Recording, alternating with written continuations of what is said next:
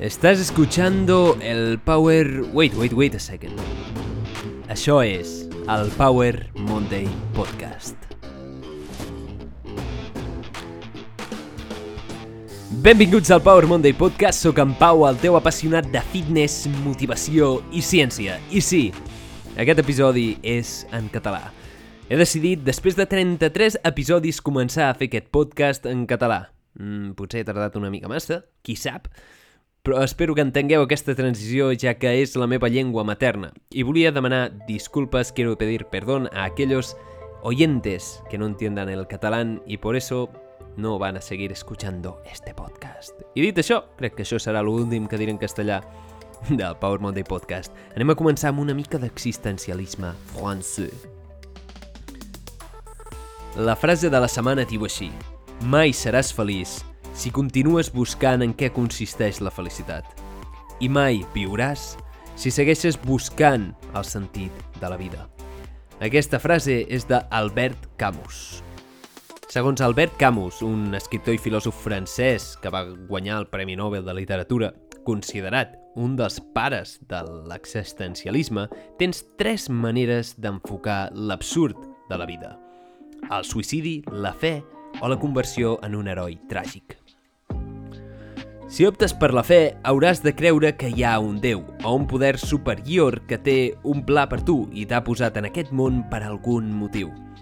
En el segon cas, el suïcidi, en realitat no és una solució a l'absurd de la vida, ja que no enfrontes el problema, simplement negues el problema de trobar el sentit a la vida.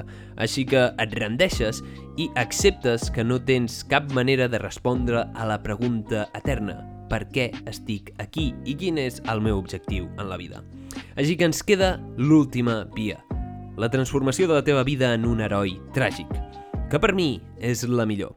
Per il·lustrar aquesta mm, teoria de l'heroi tràgic, Albert Camus sempre utilitza un mite, un mite de la mitologia grega, que és el mite de Sísif. Sísif, crec que es diu. Sísif. En la mitologia grega explica molt bé com és això d'enfocar la vida com un heroi tràgic. Així que t'explicaré la història de Sísif. Doncs bé, bàsicament el que va fer Sísif va ser intentar enganyar els déus per no morir mai, és a dir, va intentar escapar de la mort. Per això va ser castigat amb un càstig, un dels càstigs més terribles. A l'infern va ser castigat a empènyer una pedra enorme, pesada per una pujada pràcticament inacabable. Tot i això, abans d'arribar al cim de la muntanya, la pedra sempre rodava cap avall, sempre queia, sempre cau, i Sísif ha de tornar a començar una i una altra vegada, eternament, sense cap propòsit més que pujar a la pedra. Així que, bàsicament, el que li van fer els déus va ser un càstig per la seva intenció de no voler morir, així que viurà eternament en una tortura constant sense aconseguir mai el que vol. Però en realitat, aquest mite, aquesta història en la que sembla que Sísif és un heroi molt tràgic i que està condemnat a patir eternament, es pot interpretar d'una altra manera. El que s'interpreta en aquest mite és el que succeeix en aquesta vida.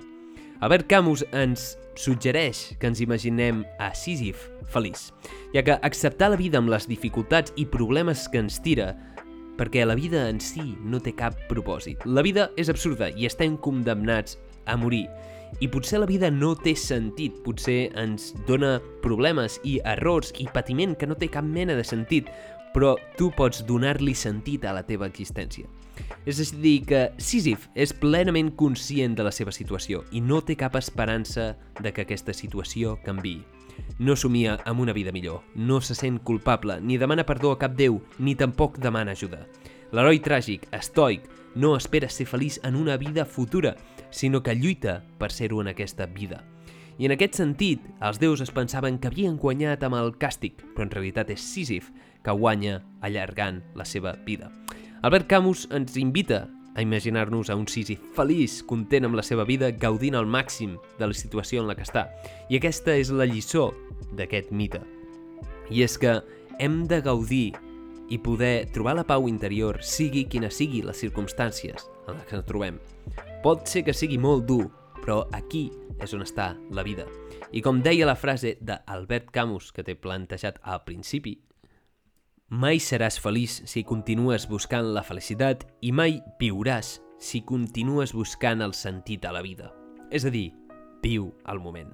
És una mica carpe diem, memento mori, tot plegat. Estoicisme i existencialisme a vegades coincideixen bastant.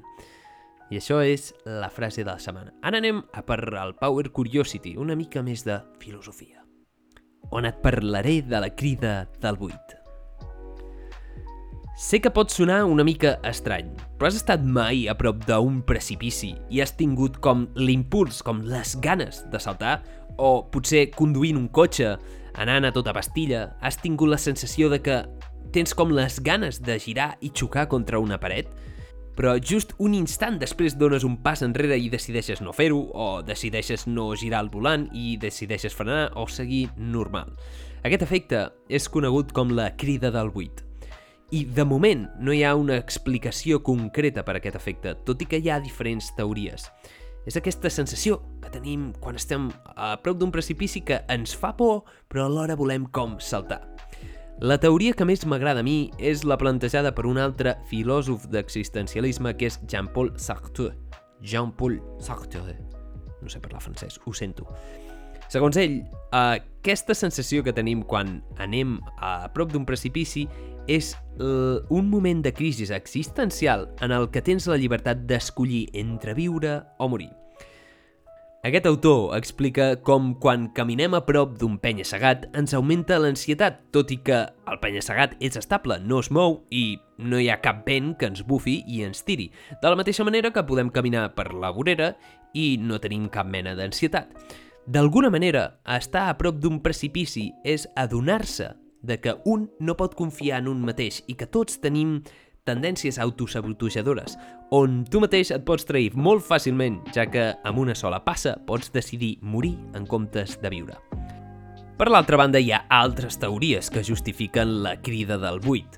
Mm, podria ser simplement un instint de supervivència mal interpretat, on el nostre cos ens està augmentant l'ansietat i les ganes de moure'ns, però ho interpretem com que ens hem de moure endavant, els éssers humans a vegades som estúpids, i per l'altra banda hi ha una altra teoria que és que en realitat instintivament volem baixar a baix. Quan estem en un penya-segat identifiquem que baix, baix de tot, el, el terra és el lloc més segur. Així que, paradoxalment, eh, tenim l'instint de saltar per arribar-hi més ràpid. És a dir, primer, el que identifiquem és que tenim molt risc estant allà, així que volem arribar molt ràpid a baix, sense pensar en la conseqüència de la mort, perquè és un instint. L'instint ens diu, ei, vés en compte, millor que estiguis a baix de tot, no que estiguis a dalt de tot. Així que et dona l'instint d'anar cap al lloc més segur. Aquesta és una altra teoria d'un psicòleg, que no me'n recordo com es deia.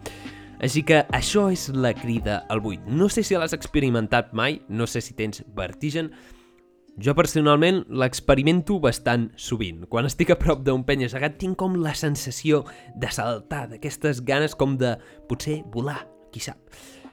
Tot i que puguis pensar que això és com una tendència suïcida, es va fer un estudi on es va analitzar la crida al buit i es va veure que, tot i que la gent que té tendències suïcides i ansietat tenen una mica més, una tendència més elevada a sentir la crida al buit, tothom l'experimenta una vegada o altra. Així que no depèn de les teves intencions suïcides, sinó que és un efecte que no sabem ben bé per què es produeix, però que està fortament lligada amb els nostres instints i alhora amb la nostra manera de pensar, la nostra filosofia i com veiem el món. Així que, digue'm, Has sentit mai aquesta crida al buit, aquest impuls de saltar quan estàs a prop d'un penya segat? O potser no has experimentat mai i penses que estic poig? Podem obrir debat a les xarxes socials a Instagram, on em pots seguir. I això és tot per aquest episodi. Moltíssimes gràcies per haver escoltat aquest episodi. És el primer episodi en català, com et deia. Després de 33 episodis fent-los en castellà, m'he donat compte que, en realitat, la meva llengua materna és amb la que millor m'expreso i amb la que crec que puc crear més impacte. De fet, un dels principals motius pels quals vaig començar a fer aquest podcast era per causar un impacte positiu, per arribar a més persones i transmetre certs pensaments, filosofia i coneixement que vaig aprenent al llarg de la meva vida. Per què? Perquè he passat per moments durs en la meva vida, moments en els que no veia sortida i sempre penso que hi ha gent que pot estar pitjor i en el meu cas em va ajudar molt alguna persona que va decidir fer un podcast. Així que per això estàs escoltant aquest podcast i aquest és el meu propòsit. Així que moltíssimes gràcies per haver escoltat aquest episodi. Si t'ha agradat, si us plau, envia'm un comentari, pots seguir-me a Instagram, pots seguir-me a les xarxes. M'estic pensant de fer un TikTok també, qui sap. Però estic pendent de continuar contribuint, causant impacte positiu i ajudant a persones que encara que sigui una o dues persones a les que ajudi i a les que tregui un somriure, això mereix l'esforç. Així que moltes gràcies, et desitjo una setmana èpica, increïble, segueix fent pujar la pedra com Sísif i trobaràs el creixement i la pau interior en aquest món. Moltes gràcies, que vagi bé. Ciao.